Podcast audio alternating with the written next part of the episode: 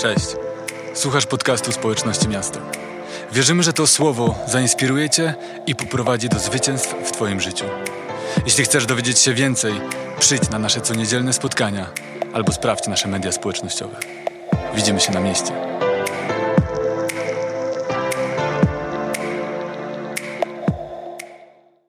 A my dzisiaj jesteśmy w drugiej, e, w drugiej części serii Serce to sługa.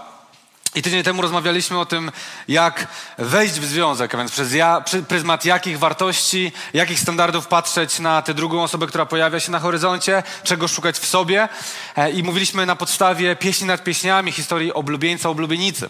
Zakończyliśmy na tym, że oni weszli w przymierze małżeńskie przez ten akt miłosny, przez to zbliżenie intymne, po prostu zrobili to. E, no i właśnie e, tym kończymy. I zazwyczaj historie miłosne w komediach romantycznych, w jakichś e, książkach kończą się właśnie tym, że zakochani biorą ten ślub po tych wszystkich perypetiach i odjeżdżają w stronę zachodzącego słońca i czytamy i żyli długo i szczęśliwie. I to jest jakaś laurka, ale ona nie pozostawia za dużo konkretu. Nie pozostawia nam e, tego, tego obrazu, jak wyglądała ta codzienność. E, na szczęście Biblia nie jest historią tego rodzaju. Na szczęście Bóg zostawia nam e, instrukcje na każdy sezon życia. Na sezon, kiedy jesteśmy singlami i chcemy wejść w związek, ale również na ten sezon, kiedy jesteśmy w małżeństwie. I historia oblubieńca i oblubienicy z pieśni nad pieśniami nie kończy się wcale wtedy, kiedy oni skonsumowali swój związek i weszli w przymierze małżeńskie, ale ona ma swój ciąg dalszy i dzisiaj o tym ciągu dalszym będziemy mówili. Dzisiejszy temat, jak być w związku. Nie tylko jak wejść w związek, ale jak być e, w związku. Słuchajcie, amen. E, słuchajcie, i dzisiaj nie będziemy mówili e, z takiego na, na, ten temat z takiego psychologicznego punktu widzenia, jakiegoś może coachingowego, wynikającego z badań naukowych czy jakichś psychologicznych. Mm, dlaczego? Dlatego, że tak, jeżeli chcemy dotknąć poszczególnych tematów, nie wiem, komunikacji, oczekiwań, zarządzania konfliktem, e, podejściem do zmian, tym wszystkim zajmuję się na przykład na sesjach Symbis, kiedy indywidualnie podchodzę do każdej pary i rozmawiamy o, o każdym takim małym temacie osobowości, jak one się mieszają, jakie są mocne strony, słabsze strony w związku każdej ze stron i ro, rozmawiamy sobie o każdym takim aspekcie. Jest wiele książek, w których możesz przeczytać e, na temat właśnie na przykład komunikacji w związku, albo te pięć języków miłości, bardzo znana pozycja. Są książki chrześcijańskie, są książki mniej chrześcijańskie, ale równie dobre. I możesz znaleźć taki temat, który jest akurat tematem, który naprawdę dotyka Twojego problemu, Twojego związku. I teraz możesz również znaleźć w internecie wiele takich miejsc. Na przykład kanał Jest Miłość, Ani Adama Dzieciątko. Bardzo dobre miejsce w internecie. Amen. Kanał Kasi Sawickiej, e, z którego ja i moja żona też bardzo często korzystamy. Jest wiele świetnych miejsc w internecie, e, gdzie bardzo mądrzy ludzie dzielą się swoją wiedzą, swoim doświadczeniem właśnie na te konkretne tematy i rozkładają je na czynniki pierwsze. Ale ja dzisiaj chciałbym spojrzeć z nieco innej perspektywy. Skoro jest tyle miejsc, w których możemy znaleźć te wszystkie e, treści możemy wzrastać w naszych związkach, ja dzisiaj chciałbym spojrzeć z takiego z punktu widzenia duchowego, z tego, jak Bóg wymyślił w ogóle przymierze, jaki On miał zamysł, żeby to był nasz fundament, żeby to był nasz sposób myślenia, żebyśmy zmienili swój sposób myślenia na temat związku, na temat małżeństwa i przymierza i niech to będzie punkt wyjścia do wszystkich tych dalszych tematów, które możemy omawiać na tych, w tych obszarach, o których przed chwilą mówiłem, ok? I dzisiaj szkieletem tego kazania będzie motyw e, z komentarza e, do pieśni nad pieśniami, który nazywa się Pachnidła i to jest chyba najlepszy komentarz do pieśni nad pieśniami, z jakim ja miałem do czynienia i naprawdę jest fascynujący i zachęcam do zapoznania się z nim. I tam jest pewien motyw. Motyw, który pomoże nam właśnie znaleźć ten właściwy i ten Boży sposób myślenia o przymierzu małżeńskim, Mam nadzieję, że uda nam się zobaczyć, o co w tym chodzi, a nawet poczuć, bo dzisiaj będzie bardzo dużo o zapachach. Słuchajcie, otwórzmy pieśń nad pieśniami, pierwszy rozdział, trzeci do czwartego wersetu. Czytamy tam takie słowa. Przyjemne w zapachu są Twoje olejki, różanymi wonnościami tchnie Twoje imię. Nic dziwnego, że szaleją za Tobą dziewczęta. Ten werset już omawialiśmy tydzień temu. I wiemy, że możemy tłumaczyć to różanymi wonnościami jako najczystszymi, najdoskonalszymi wonnościami tchnie Twoje imię, albo Ty sam jesteś jak ten najczystszy, najdoskonalszy olejek.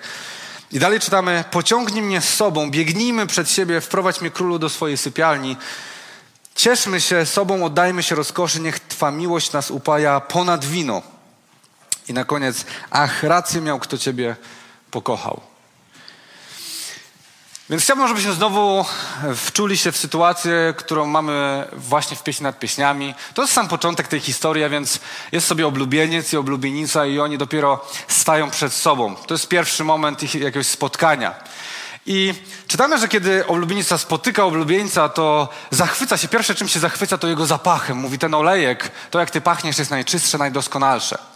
Nie ma w tym nic dziwnego, bo w tamtych czasach, kiedy przygotowywano takiego jakiegoś ceremonialnego, ważnego spotkania narzeczonego, narzeczoną kobietę, mężczyznę, to oni byli namaszczani różnymi eterycznymi olejkami. Tak jak my dzisiaj się psikamy Chanel albo jakimś Hugo Bossem, no to oni po prostu się nacierali tymi olejkami, głowę, całe ciało i pachnieli. I ona mówi, że ten zapach, to czym ty pachniesz jest niezwykłe, jest wyjątkowy, jest najdoskonalsze i najczystsze. Zachwyca się tym. Ten zapach sprawia, że ona zaczyna być chora z miłości, jak znamy to, to sformułowanie z pieśni nad pieśniami. I ona mówi, yy, czwarty werset, pociągnij mnie z sobą, biegnijmy przed siebie, wprowadź mnie król do swojej sypialni, więc mowa jest o tym, że ona chce już zawrzeć to przymierze przez zbliżenie się z nim. Ona już pragnie z nim być. Ten zapach sprawia, że ona jest przekonana, że to jest ten właściwy mężczyzna. I na końcu mówi bardzo ciekawe zdanie, ponieważ mówi, ach, rację miał, kto ciebie pokochał. Mądrością było to, żeby ciebie wybrać, ale na jakiej podstawie? Przecież dopiero się poznali. To jest poniekąd jakieś prorocze takie określenie, jakby stwierdzenie. Ona widzi go, czuje jego zapach i mówi, ten, kto ciebie pokochał, miał rację. To jest dobra decyzja. I wiemy o tym, czytając dalszą część pieśni nad pieśniami, że tak właśnie było. Że ten związek przyniósł te wszystkie owoce i to wszystko, czego, czego ona pragnęła. Ale ona nie miała w tym momencie żadnej takiej faktycznej podstawy do tego, żeby stwierdzić, tak będzie. To jest pewne jej oczekiwanie i stwierdzenie na podstawie czego? Na podstawie tego, co poczuła, co poczuła. I teraz to jest bardzo ciekawe, bo komentatorzy wczesnochrześcijańscy, na przykład Grzegorz Znysy czy Orygenes, ale też właśnie w komentarzu Pachnidła, ci komentatorzy zastanawiali się, no to co to był za zapach? Jaki to był ten zapach, ten najdoskonalszy? Ten, który sprawił, że ona miała to przekonanie, że ona już chciała po prostu wchodzić w to przymierze, że miała przekonanie, że to jest mądra decyzja, że wejść w związek z tą osobą to jest mądrość. I zastanawiali się i ojcowie kościoła jak Grzegorz Znysy czy Orygenes. Orygenes formalnie tym ojcem kościoła nie jest, ale no już pisał w tamtych czasach, więc skrótowo. Ojcowie kościoła, słuchajcie, oni mieli taką metodę tłumaczenia Biblii przez Biblię. Bardzo dobry sposób egzegezy, żeby tłumaczyć Biblię przez Biblię. Więc kiedy oni znajdowali jakiś temat, jakąś kwestię, której nie rozumieli, albo którą zastanawiali się, co właściwie to oznacza, to oni szukali w całej reszcie Biblii czegoś, co im to wytłumaczy. On mówi, no Bóg musiał to wytłumaczyć jakoś. Bóg nie mógł zostawić jakiejś po prostu rzeczy, której nie da się wyjaśnić, która jest bez sensu tam zapisana. Więc oni grzebali, grzebali, grzebali i szukali. I słuchajcie, i się doszukali. I się doszukali tego zapachu, tego olejku, dlatego że w Księdze Wyjścia w 30 rozdziale od 23 do 29 wersetu znajdujemy przepis na najdoskonalszy olejek, na najdoskonalsze pachnidło. Wiem, kiedy ja czytałem pierwszy raz te koncepcje i ten motyw tego olejku i tego doskonałego przepisu, tego doskonałego pachnidła e, słyszałem, to byłem podekscytowany i mam nadzieję, że wy również jesteście, dlatego że okazuje się, że Bóg sam dał przepis na ten olejek, na ten zapach.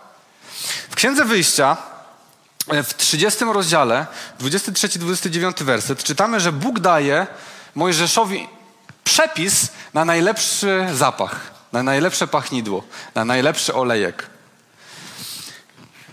Mówi takie słowa. Przygotuj sobie co? Najlepsze pachnidło. Więc to nie jest mój wymysł. Ja nie stwierdzam, że tak jest. To Bóg powiedział, że to jest najlepszy zapach. Nie ma lepszego zapachu. Tak jest najlepszy. I mówi tak. 500 cykli sproszkowanej mirry to jest raz. 250 cykli, czyli połowę wcześniejszej ilości pachnącego cynamonu, to jest drugi składnik. 250 cykli pachnącej trzciny to jest trzeci składnik i 500, 500 cykli kasji według cykla świątynnego to jest czwarty składnik i do tego wszystkiego chin, oliwy z oliwek. Te cykle i chiny to są miary, jak chcecie to w waszych Bibliach pewnie gdzieś na końcu znajdują się wszystkie te przeliczniki, więc będziecie mogli sobie sprawdzić. Gdybyście chcieli uważyć w domu taki właśnie olejek, to możecie sprawdzić te ilości. Czytamy dalej. Zmieszaj te składniki zgodnie ze sztuką aptekarską i przygotuj z nich pachnący olejek do poświęcania przez namaszczenie. Niech służy on takiemu właśnie celowi. Namaścisz tym olejkiem namiot spotkania, skrzynię świadectwa, stół i wszystkie jego przybory, świecznik i jego przybory oraz ołtarz kadzidlany, ołtarz całopalny i wszystkie jego przybory, kać oraz jej podstawę. Dzięki poświęceniu tych sprzętów w taki sposób staną się one największą świętością. Cokolwiek ich dotknie, również stanie się święte. A więc mamy ten przepis i mamy wskazówkę na to, czemu służy ten olejek. I jeszcze gdyby ktoś się zastanawiał, czy na pewno to jest ten sam olejek, czy to jest ten olejek, to mamy kilka wskazówek, jeśli spojrzymy na całą e, metaforykę i symbolikę w Biblii, to, które nam mogą to jeszcze potwierdzić, jeśli nie mamy zaufania do ojców Kościoła i do komentatorów innych biblijnych. E, po pierwsze, spójrzmy na to, co, do czego służył ten olejek, co namaszczaliśmy tym olejkiem. Czytamy, że ten olejek służy do namaszczenia z namiotu spotkania, skrzyni świadectwa, ołtarzu całopalnego, ołtarzu kadzidlanego, wszystkich przyborów. A więc co namaszczane było tym olejkiem?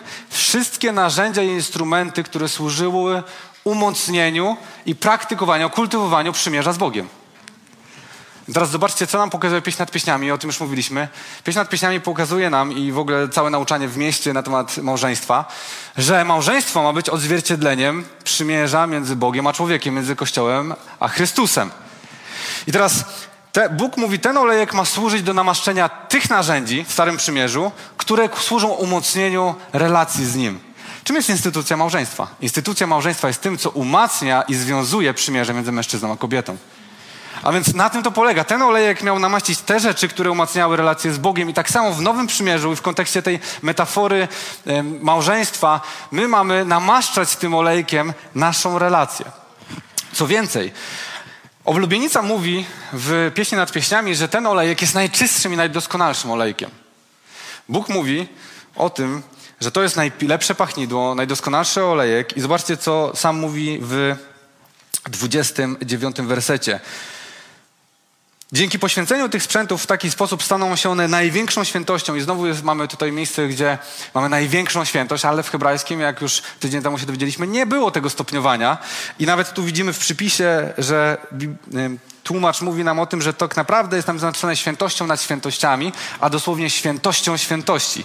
Czyli Bóg mówi, jeśli coś zostanie namaszczone tym olejkiem, to to jest świętość nad świętości. Po prostu nie ma większej świętości Wiecie, ja mam takie przekonanie, że to jest to, w co my wierzymy na temat małżeństwa. Że mał, przymierze małżeńskie jest świętością, że jest nienaruszalne, że jest nierozerwalne, że to jest związek, e, który wiąże nas na całe życie, jest namaszczony, oddzielony, jest zadedykowaniem dwojga ludzi. W to wierzymy, że kiedy wchodzimy w przymierze małżeńskie, to jesteśmy w miejscu, które jest świętością.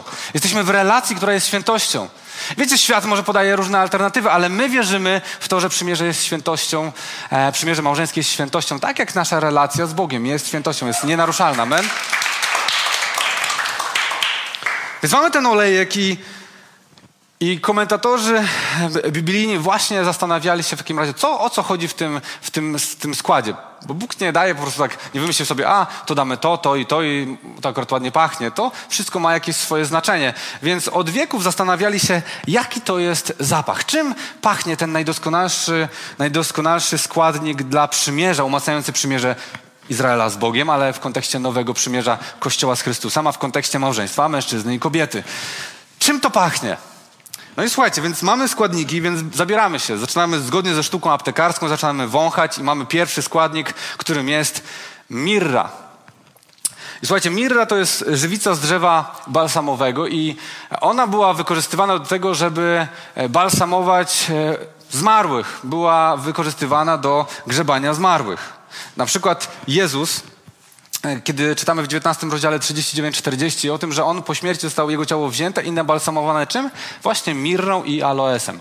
A więc mieszanką tych y, olejków i tego wszystkiego, co było po, potrzebne, żeby po prostu go zabalsamować i przygotowywać do tego złożenia do grobu.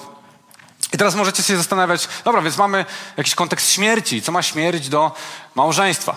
No i teraz pewnie niektórym e, panom się odpala lampka. No, kiedy ja wziąłem moją helcie, to życie się skończyło. To życie się skończyło, kaplica. Myślę, że tak niektórzy mogą mieć takie skojarzenia, ale nie jest to ten symbol, nie o to tutaj chodzi. Słuchajcie, mirra symbolizuje wierność aż do śmierci. Wierność aż do śmierci. To znaczy, że kiedy czujemy ten zapach, to te osoby będą w małżeństwie ze sobą aż do końca, aż do końca swojego życia. Dokładnie tak jak my z Bogiem.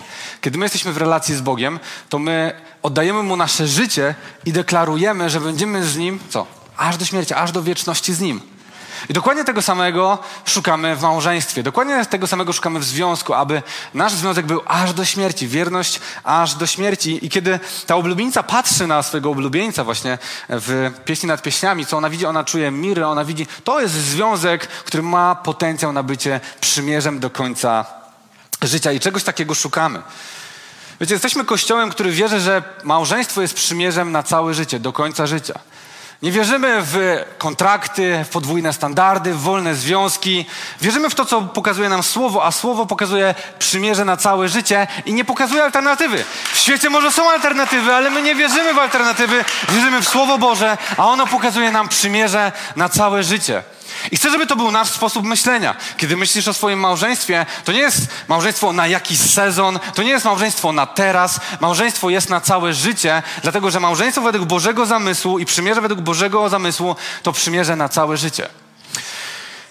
I o tym czytamy w pieśni, nad pieśniami, ósmy rozdział ona właśnie tego doświadczyła, ona miała to prorocze stwierdzenie, rację miał, mądre było to, żeby wejść w ten związek, to było to stwierdzenie na początku pieśni nad pieśniami, ale już w ósmym rozdziale czytamy bardzo znane słowa, które są potwierdzeniem tego, szósty, siódmy werset, połóż mnie jak pieczęć na swoim ramieniu, a więc to jesteśmy zapieczętowani, zadedykowani sobie.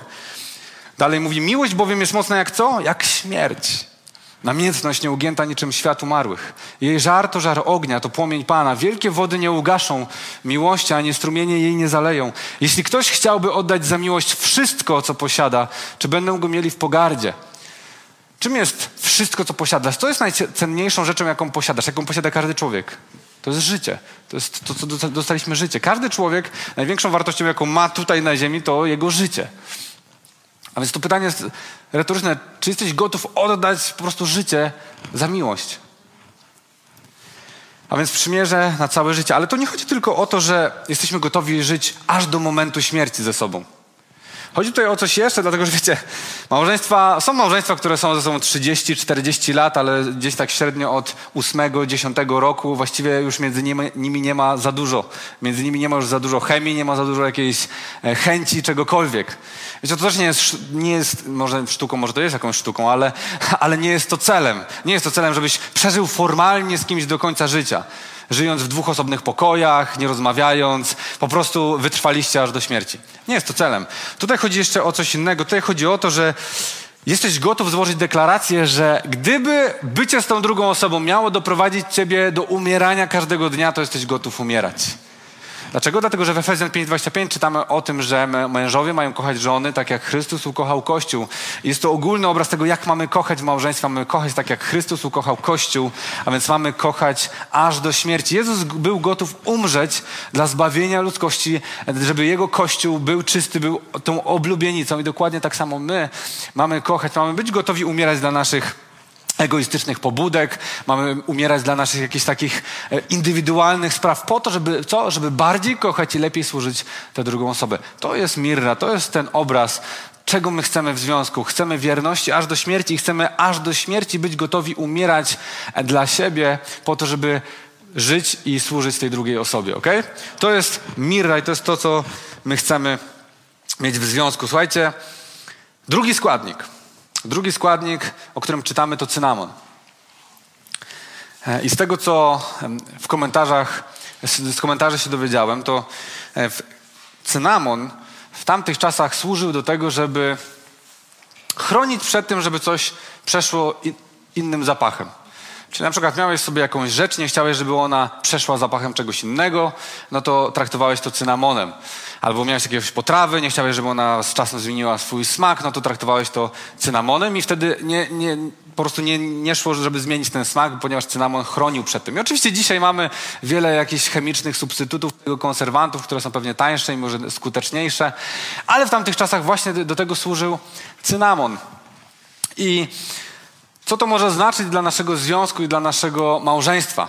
Otóż to jest taki związek, związek, którym nic ani nikt nie jest w stanie namieszać. To znaczy, że jesteście w tym miejscu bezpieczni. To znaczy, że ani e, teściowa, ani jakaś zazdrosna koleżanka, ani jakiś y, szef pracy, ani jakieś okoliczności nie są w stanie namieszać, namieszać w tym związku. To jest właśnie to, czego my chcemy mieć, co my chcemy mieć e, w naszym małżeństwu i w naszym, naszym małżeństwie, naszym przymierzu. Zobaczcie, większość scenariuszy telenoweli opiera się właśnie na braku cynamonu w związku. Mamy sobie mężczyznę i kobietę, oni są ze sobą, jest namiętność między nimi, ale później jest właśnie jakaś zazdrosna koleżanka, która puszcza jakąś plotkę, jest jakaś mamusia, jakaś teściowa, która coś tam podpowiada synkowi, on zaczyna mieć jakiś mętlik w głowie, są jakieś okoliczności i co, i on bez słowa pakuje się, wyjeżdża na drugi koniec świata, nie ma kontaktu, koniec odcinka i czekamy na następny. Ale na czym to bazuje? Na tym, że nie ma cynamonu w tym związku. Że nie ma właśnie tego, co sprawia, że w ich relacji jest bezpieczeństwo i że ich relacja jest chroniona przed tymi innymi zapachami, przed tymi innymi rzeczami, które próbują namieszać w tym związku. I wiecie, taka relacja jest niezwykłym miejscem bezpieczeństwa i w ogóle to jest obraz tego, czym jest przymierze. Jakiś czas temu rozmawiałem ze znajomymi i właśnie rozmawialiśmy o tym, e, jakie znaczenie miało w starożytności, w Izraelu przymierze. I rozmawialiśmy o tym, że w tamtych czasach, kiedy e, stawały przed sobą dwa plemiony, dwa roda, rody i był jakiś potencjał na jakiś konflikt, na jakąś konfrontację, to oni najpierw ci przywódcy podnosili po prostu rękę. Dlaczego? Dlatego, że tutaj były nacięcia od ich każdego przymierza, jakie zawarli. I każde przymierze było zawierane przez, y, przypieczętowane krwią i to widzimy też w Biblii ten obraz. Więc oni podnosili tę rękę i, i, ten przywódca, ten lider, który miał tych nacięć więcej, no to wiadomo było, że za nim stoi znacznie większa armia, znacznie większa siła. Więc on był bezpieczny, on był chroniony. A więc obraz tego, że przymierze dawało ci bezpieczeństwo. I zobaczcie, nasze przymierze małżeńskie dokładnie to samo ma nam dawać, ma nam dawać bezpieczeństwo. To znaczy, nie masz poczucia, że za chwilę e, ta druga osoba odejdzie, albo ta druga osoba coś usłyszy, coś zobaczy i spakuje się i wyjedzie. Albo że ktoś coś powie i w tej sytuacji ona, ta osoba jest po twojej stronie, ale już w innej sytuacji ona jest przeciwko tobie i nigdy nie wiesz, czy ona stanie po twojej stronie, czy nie. Nie, nie. Przymierze ma dawać ci poczucie bezpieczeństwa. Że wiesz, może się walić i palić wszędzie dookoła, ale w związku małżeńskim, w relacji z tą osobą czujesz się bezpiecznie. To jest twoje miejsce bezpieczeństwa. Tego szukamy. I to daje nam cynamon, czyli zaufanie, czyli transparentność. Tydzień temu mówiłem, że tego szukamy w związku, tej całkowitej transparentności. Kiedy ona jest, no to wtedy jesteśmy bezpieczni. Więc szukamy cynamonu, szukamy tego miejsca bezpieczeństwa i to znaczy, że my w związku małżeńskim jesteśmy gotowi walczyć o siebie nawzajem w każdej sytuacji, w każdych okolicznościach. To jest to, czego szukamy. Więc mamy pierwszy składnik, to jest mirra, wierność aż do śmierci i gotowość, aby umierać dla tej drugiej osoby. I mamy cynamon, a więc mamy e, to miejsce bezpieczeństwa, chronienie przed tymi wszystkimi innymi zapachami. To są już dwa składniki. I idziemy do trzeciego.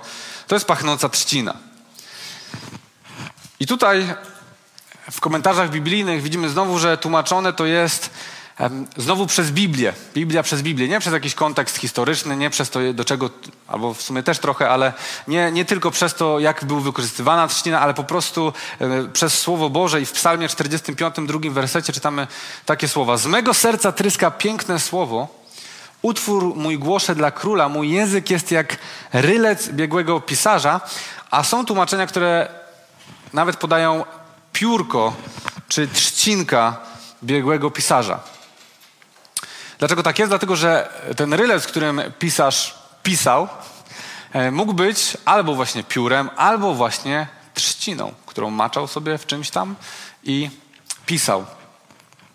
I ta pachnąca trzcina w związku, ona symbolizuje to umiejętność wejścia w dialog. Umiejętność komunikacyjna. Zobaczcie, tu jest psalmista mówi, z mego serca tryska piękne słowo. A więc słowo zachęty, słowo miłości, słowo wsparcia. Mój język jest jak rylec biegłego pisarza, więc umiem to robić. To jest moja umiejętność. Właśnie to symbolizuje to, żebyśmy umieli wejść w dialog. Teraz nasz e, człowiek od mediów, Tymek, e, robi taką zajawkę na tam walentynki, na serię Serce to sługa i tam wziął jakieś singli, jakieś pary z naszego kościoła, żeby tam wypowiedziały się na temat miłości małżeńskiej i w ogóle związków. I Martyna i Maciek, jedno z małżeństw w naszym kościele, nagrało swoją wypowiedź i powiedziało, że w małżeństwie potrzebny jest dialog, dialog i jeszcze raz dialog. I oni tam tłumaczyli, dlaczego trzy razy dialog i w jakich kierunkach ten dialog musi iść. Oni was zachęcą, więc wypatrujcie tego filmiku, ale to potwierdziło mi, że dialog jest właśnie tym, czego my tak bardzo potrzebujemy w związku. Umiejętność komunikacji, umiejętność rozmowy to jest to, bez czego związek nie jest w stanie przetrwać. I zobaczcie, w relacji z Bogiem tak samo. Modlitwa, potrzebujemy dialogu z Bogiem, rozmowy z Bogiem. To utrzymuje nasz związek. Jeśli mamy problem z modlitwą, mamy problem z naszym duchowym życiem, z relacją z Bogiem. I tak samo, jeśli mamy problem z komunikacją, z dialogiem, mamy problem w naszym małżeństwie. I moje doświadczenie z Symbisa jest takie, że i małe, i duże problemy w małżeństwach, właściwie w większości albo w każdym, w moim małżeństwie, wynikają właśnie z tego, że w brakach w komunikacji, w niewłaściwej właśnie pracy z tą komunikacją i z dialogiem w małżeństwie. Naprawdę większość problemów bierze się właśnie z tego, że my nie potrafimy się komunikować, nie potrafimy ze sobą rozmawiać. I to jest bardzo szeroki temat i pewnie można by zrobić całą serię o komunikacji, o dialogu i o rozmowie. Ale chciałbym, żeby podać taki najbardziej podstawową zasadę i najbardziej podstawową kwestię, która jest potrzebna do komunikacji w związku małżeńskim, w ogóle w komunikacji, ale na pewno w małżeństwie. I jeśli masz problem w małżeństwie z komunikacją, z dialogiem, to zacznij od tego chociaż. Zacznij od tego, a wierzę, że jeżeli zobaczysz, że to już działa i przynosi jakieś owoce, to będziesz zainspirowany i zachęcony, by dalej nad tym pracować. I na czym, czym jest ta podstawa? Po pierwsze, upewnij się, że rozumiesz komunikat, który otrzymujesz. A więc jak twoja żona ci mówi, z dzisiu jesteś idiotą, to ty musisz zrobić tak, że mówisz helu, czy dobrze rozumiem, że chcesz powiedzieć, że jestem głupi? Więc oczywiście przerysowuję to, ale o to właśnie chodzi, że musisz zrozumieć, co ta druga osoba mówi. Po pierwsze, kiedy na spokojnie zapytasz się, czy dobrze rozumiesz ten komunikat, ta druga strona może się zreflektuje. Może jeszcze i głupio będzie powiedzieć e, tak na spokojnie, że rzeczywiście jesteś idiotą, ale druga rzecz, że ty też nie będziesz odpowiadał w oparciu o twoje rozumienie tych emocji, tego komunikatu, tego, co usłyszałeś. No to jest bardzo często początek kłótni. Ktoś coś mówi, oczywiście nie, że jesteś idiotą, ale ktoś coś mówi, twoja żona coś mówi i tobie się wydaje, że tam są jakieś emocje, że tam są jakieś inne intencje, niż ona rzeczywiście miała. I w drugą stronę tak samo. I ty odpowiadasz już na podstawie twojego zrozumienia, więc to jest podstawą, żebyś upewnił się, że zrozumiałeś komunikat. Zawsze zadaj to dodatkowe pytanie, które wyklaruje sytuację, że będziesz na pewno wiedział, o co chodzi. E, I takie mała gwiazdeczka, panie, wtedy nie, mówi, nie mówcie, że nic, albo że to, nie ma, że to nie o to chodziło, tylko mówcie naprawdę, co macie w sercu. Bo faceci nie rozumieją i nie domyślają się, a kiedy się domyślają, to często źle się domyślają. Słuchajcie, więc to jest pierwsza rzecz. A druga rzecz jest taka, że kiedy otrzymasz już ten komunikat i dobrze go zrozumiesz, to kiedy dajesz komunikat zwrotny, to nie oceniaj tej drugiej strony, ale mów o swoich odczuciach. I skupiaj się w tym, żeby właśnie tak to wyrażać. Więc mów, ja czuję się w tej sytuacji w ten sposób, albo te sytuacje, albo to, co mówisz, sprawia, że czuję się tak, albo rozumiem, że ty masz taką perspektywę, albo rozumiem, że to wzbudza w tobie takie uczucia, ale ja czuję tak i tak. I to jest podstawa. Podstawa. Upewniasz się, jaki jest komunikat, a kiedy dajesz zwrotny komunikat, to nie oceniasz, bo oczywiście to jest naszą pierwszą odruchem. Nasz odruch, kiedy słyszysz jakiś komunikat, jeszcze go rozumiesz, że jesteś oskarżony, że jesteś zaatakowany, to co? To teraz odbić piłeczkę i teraz odnieść się, a wczoraj to ty zrobiłaś tak, a w zeszłym tygodniu to było tak, albo ty nie widzisz tego, że robię to czy tamto. No właśnie, odbijasz tę piłeczkę i ta piłeczka zostaje odbijana i to jest właśnie kłótnia. Że więc odbijacie między sobą tę piłeczkę tymi oskarżeniami, ale jeśli upewnisz się, co zrozumiałeś, jak zrozumiałeś ten komunikat, a później dasz zwrotny komunikat, w którym skupisz się na swoich odczuciach i na akceptacji tego, co e, ta druga strona e, czuje, to myślę, że to jest już pierwszy krok. Temat jest dużo szerszy i znowu zapraszam na sesję Symbis, będziemy o tym rozmawiać, e, taka mała reklama, więc będziemy o tym rozmawiać i chętnie pomogę wam w komunikacji, ale to jest podstawa, to o czym powiedziałem jest podstawą, dlatego że my w związku musimy mieć takie słowa i taką komunikację, jak tutaj w psalmie 45, drugim wersecie. Z mego serca tryska piękne słowo, więc zastanów się, czy z twojego serca i z twoich, e, swoich ust wypływają słowa życia, zachęty i błogosławieństwa, czy frustracji i krytyki. Dalej czytamy, utwór mój głoszę dla króla. Zastanów się, czy to, jak rozmawiacie ze sobą w waszym związku, w waszym małżeństwie, to jest jak modlitwa, jak rozmowa z Bogiem. Czy wy macie do siebie taki szacunek, taką, taką czułość, jak ta, którą mamy w relacji z Bogiem i kiedy też Bóg z nami rozmawia? I trzecia rzecz, mój język jest jak rec biegłego pisarza, a więc wprawnego pisarza, a nie analfabety. Więc jeżeli ty posługujesz się prostą, toporną komunikacją, nie dziw się, że twoja żona ma ciebie dosyć. Jak w walentynki przyjdziesz i rzucisz, masz kwiaty, e, takie krótkie, e, suche i proste, nie wiem, czy będzie zachwycona. Nie wiem, czy to o to chodzi. I ty będziesz zastanawiał się, przecież kupiłem kwiaty. No właśnie, ale nie chodzi o to, żeby twój język był jak język analfabety, ale żeby był jak język kogo? Wprawnego pisarza, biegłego pisarza. Więc pracuj nad swoimi umiejętnościami komunikacji, pracujcie nad umiejętnością wchodzenia w dialog w waszym małżeństwie. Bo Bóg chce, żeby małżeństwo tym właśnie pachniało. Rozmową i dialogiem, komunikacją. Tak jak chce, żeby relacja żeby jego relacja z dziećmi jego była właśnie oparta o dialog, tak samo nasze przymierze małżeńskie ma tym pachnieć. I ostatni składnik. Ostatni składnik to kasja. I tutaj wyczytałem, że ten olejek robiło się w niezwykle wysokich temperaturach. Że potrzebny był po prostu żar, w którym wytwarzano te kasje. I to jest bardzo jasny symbol i zrozumiały. Żar to jest ta intymność, to jest ta seksualność, która jest w małżeństwie. W naszym małżeństwie musi być ogień, musi być kasja, czyli pasja. Więc musimy mieć pasję w naszym e, małżeństwie. I seksualność jest istotnym tematem. Kiedyś słyszałem takie zdanie, że em, nieudany seks to em, inaczej, że udany seks to 10% udanego związku, a nieudany seks to 90% nieudanego związku.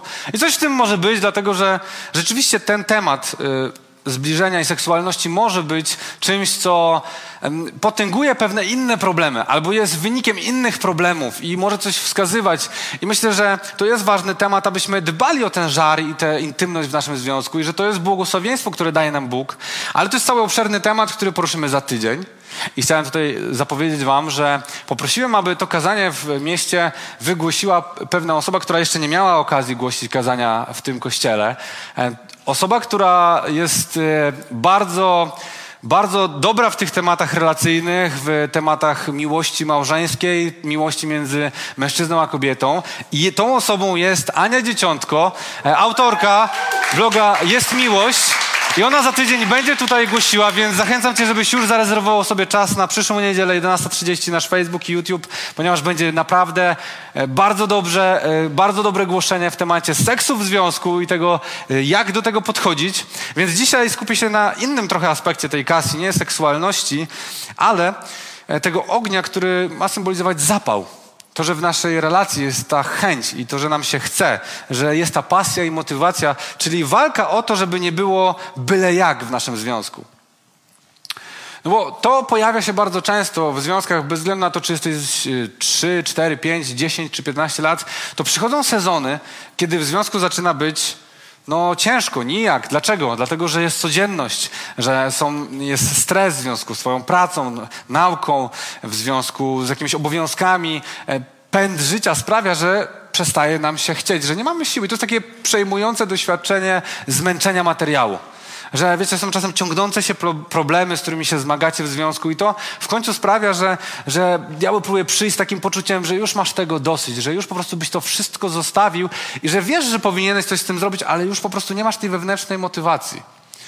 I to jest właśnie to, co często pojawia się w związku na, na, różnych etapach. Na różnych etapach. To nie jest tylko dla tych, którzy mają już po prostu po 50, 60, 70 lat i oni już wszystko przeżyli i naprawdę im się już nic nie chce. To nie jest prawda. Czasem właśnie te związki, kiedy które, które trwają już po 20, 30, 40 lat, ale są budowane w mądry sposób i jest dban, dbane o te kasje, potrafią być pełne tego ognia, a młode małżeństwa po pięciu latach na przykład potrafią mieć już wszystkiego dosyć i dlatego mamy taki wysyp rozwodów.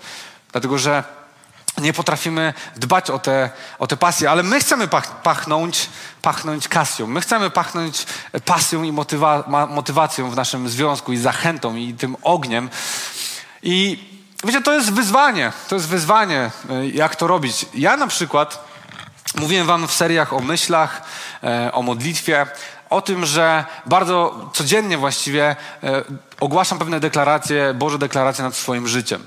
I jedną z takich deklaracji, którą każdego dnia ogłaszam, jest to, że kocham moją żonę i będę jej służyć do końca mojego życia. Ogłaszam to każdego dnia. Dlaczego? Dlatego, że chcę przypominać sobie o tym, jak ważne jest to, jak bardzo, jak, jak ważna jest ta relacja, jakim wielkim błogosławieństwem jest moja żona.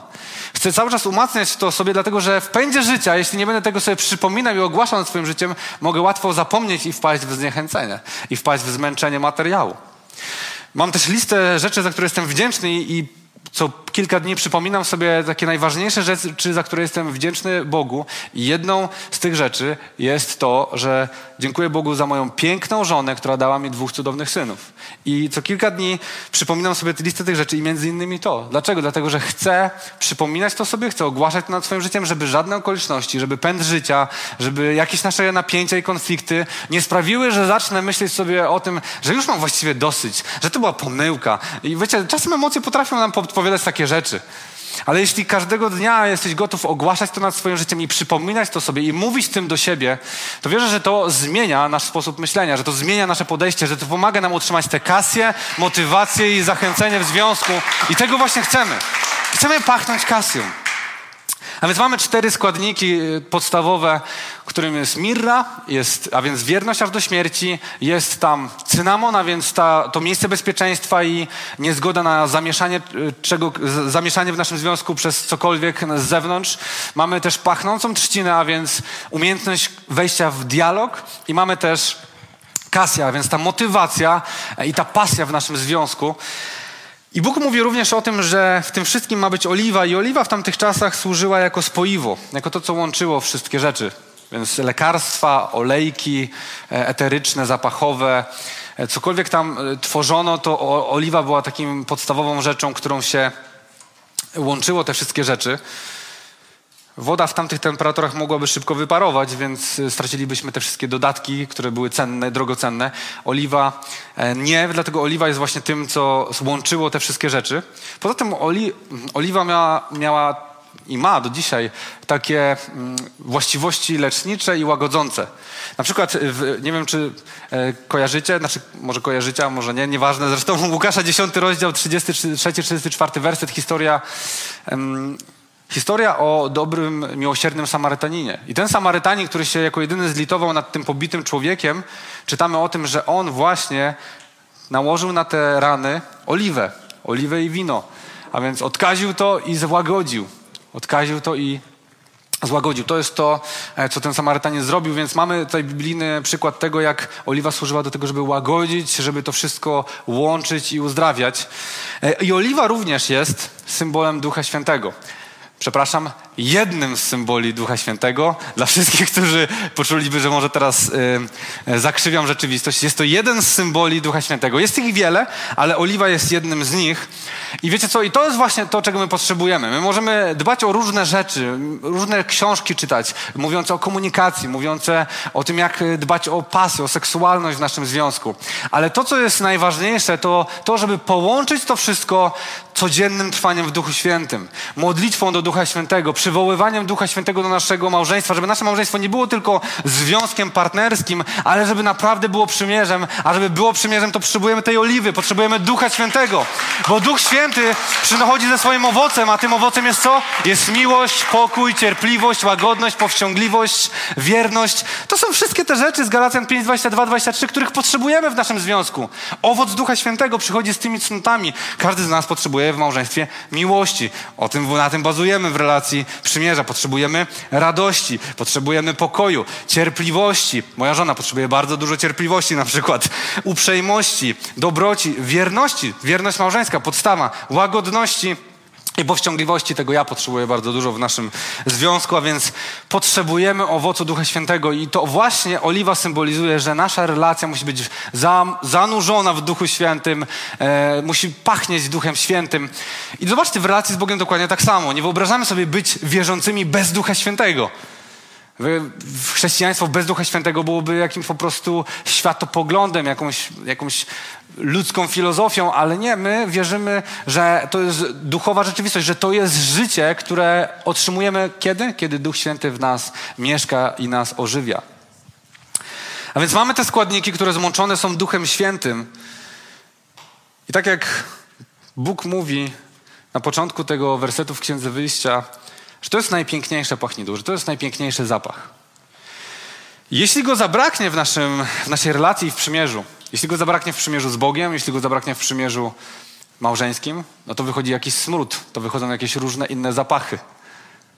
Wiecie, my możemy budować nasze relacje małżeńską, naszą relację damską, męską na różnych zapachach. Możemy budować na zapachu seksualności, na tym, na tym pociągu fizycznym. Ale ta rzecz szybko ulotni się. Minie parę lat i to się zmieni.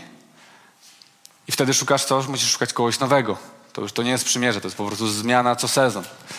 Można budować też na, na pieniądzach albo na jakiejś pozycji, na wpływie, który ktoś ma i to imponuje i ten zapach ciebie kręci. Ale ta osoba zbankrutuje albo straci swoje stanowisko, swój wpływ i co? I znowu zapach się ulotni. Zapach się ulotni.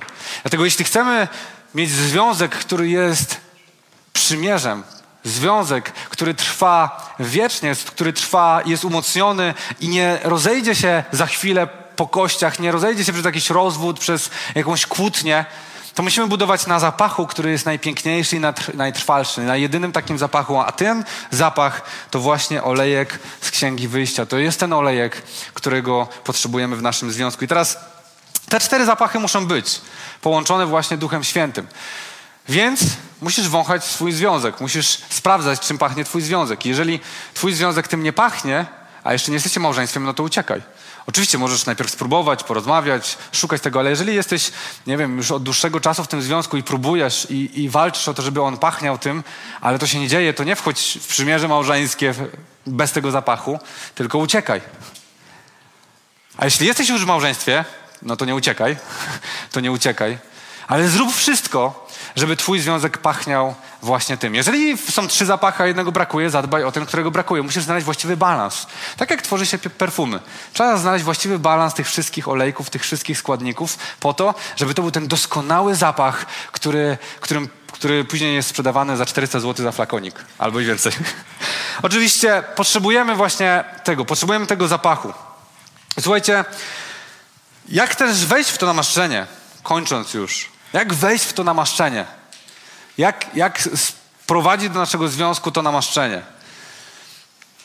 Jeśli przeczytalibyśmy sobie dalej od 30 wersetu właśnie to, jak Bóg daje instrukcję na temat tego olejku, to zobaczylibyśmy, że ten olej służył nie tylko do namaszczenia tych sprzętów, które miały pomagać w kultywowaniu tego spotkania z Bogiem i relacji przymierza z Bogiem, ale również tym olejem mia, mieli być namaszczeni kapłani. Mieli być namaszczeni kapłani. to jest dla nas bardzo ważna wskazówka. Dlaczego? Kto jest najwyższym kapłanem, arcykapłanem? Jezus Chrystus. On tak jest przedstawiony w Nowym Przymierzu. Kiedy Jezus Chrystus przychodzi, wiemy, że On jest ze słowa arcykapłanem, najwyższym kapłanem. Najwyższy porządek jest właśnie e, sprawowany przez tego kapła, arcykapłana, którym jest Jezus Chrystus. A więc On jest namaszczony tym olejkiem. On jest tym, który był namaszczony tym olejkiem. I zobaczcie, że Oblubieniec jest również obrazem Chrystusa w pieśni nad pieśniami. A więc kiedy oblubienica mówi, że oblubieniec pachnie nim, to znaczy, że w kontekście Kościoła i Chrystusa Chrystus pachnie tym olejkiem. A więc to Jezus Chrystus jest namaszczony tym olejkiem. To On był namaszczony tym olejkiem i widzimy w całej, we wszystkich Ewangeliach, w całym Jego służbie, że On właśnie tym pachnie. Jezus Chrystus pachniał mirrą, Dlaczego? Dlatego, że poświęcił swoje życie, abyśmy mieli życie, abyśmy mieli życie wieczne, abyśmy byli zbawieni. On był gotów służyć nam aż do śmierci. W jego służbie czujemy cynamon, bo kiedy on jest kuszony na pustyni, on nie pozwala, żeby te rzeczy namieszały w jego służbie. Kiedy faryzeusze go atakują, on nie pozwala, żeby to e, sprawiło, że on zboczy ze tego toru, który był dla niego wyznaczony. Nawet kiedy jego przyjaciele mówią, żeby on uciekał, żeby on nie zgodził się na śmierć, na krzyż, żeby go pojmali, on nie słucha tego, dlatego że on ma cynamon w swojej relacji z ojcem, w relacji przymierza i nie pozwala, żeby cokolwiek zamieszało w tym, co było celem dla jego życia. W jego służbie możemy wyczuć trzcinę, pachnącą trzcinę, dlatego że on nigdy nie odmawiał rozmowy, on był gotów rozmawiać, zarówno z tymi, którzy go atakowali, a więc był gotów tłumaczyć te trudne rozmowy, ale też z tymi, którzy szukali mądrości. On był tym, który potrafił przemawiać. Co więcej, kiedy on przemawiał, przemawiał z autorytetem. W jego służbie czujemy również kasję, bo on miał pasję w sobie. On potrafił krzyknąć, on potrafił tupnąć, on potrafił wywrócić stoły, on potrafił przemówić w taki sposób, że cała burza ucichła.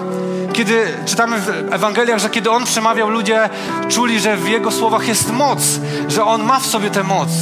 On był gotów służyć nawet wtedy, kiedy służył od rana do nocy, a kiedy w nocy chciał odpocząć, ale widział, że ludzie są spragnieni Jego służby, Jego słowa, Jego obecności, to zostawiał odpoczynek po to, żeby służyć. Więc w nim była ta pasja, motywacja, w nim był ten ogień. I to wszystko było zanurzone w Duchu Świętym, ponieważ On był namaszczony Duchem Świętym.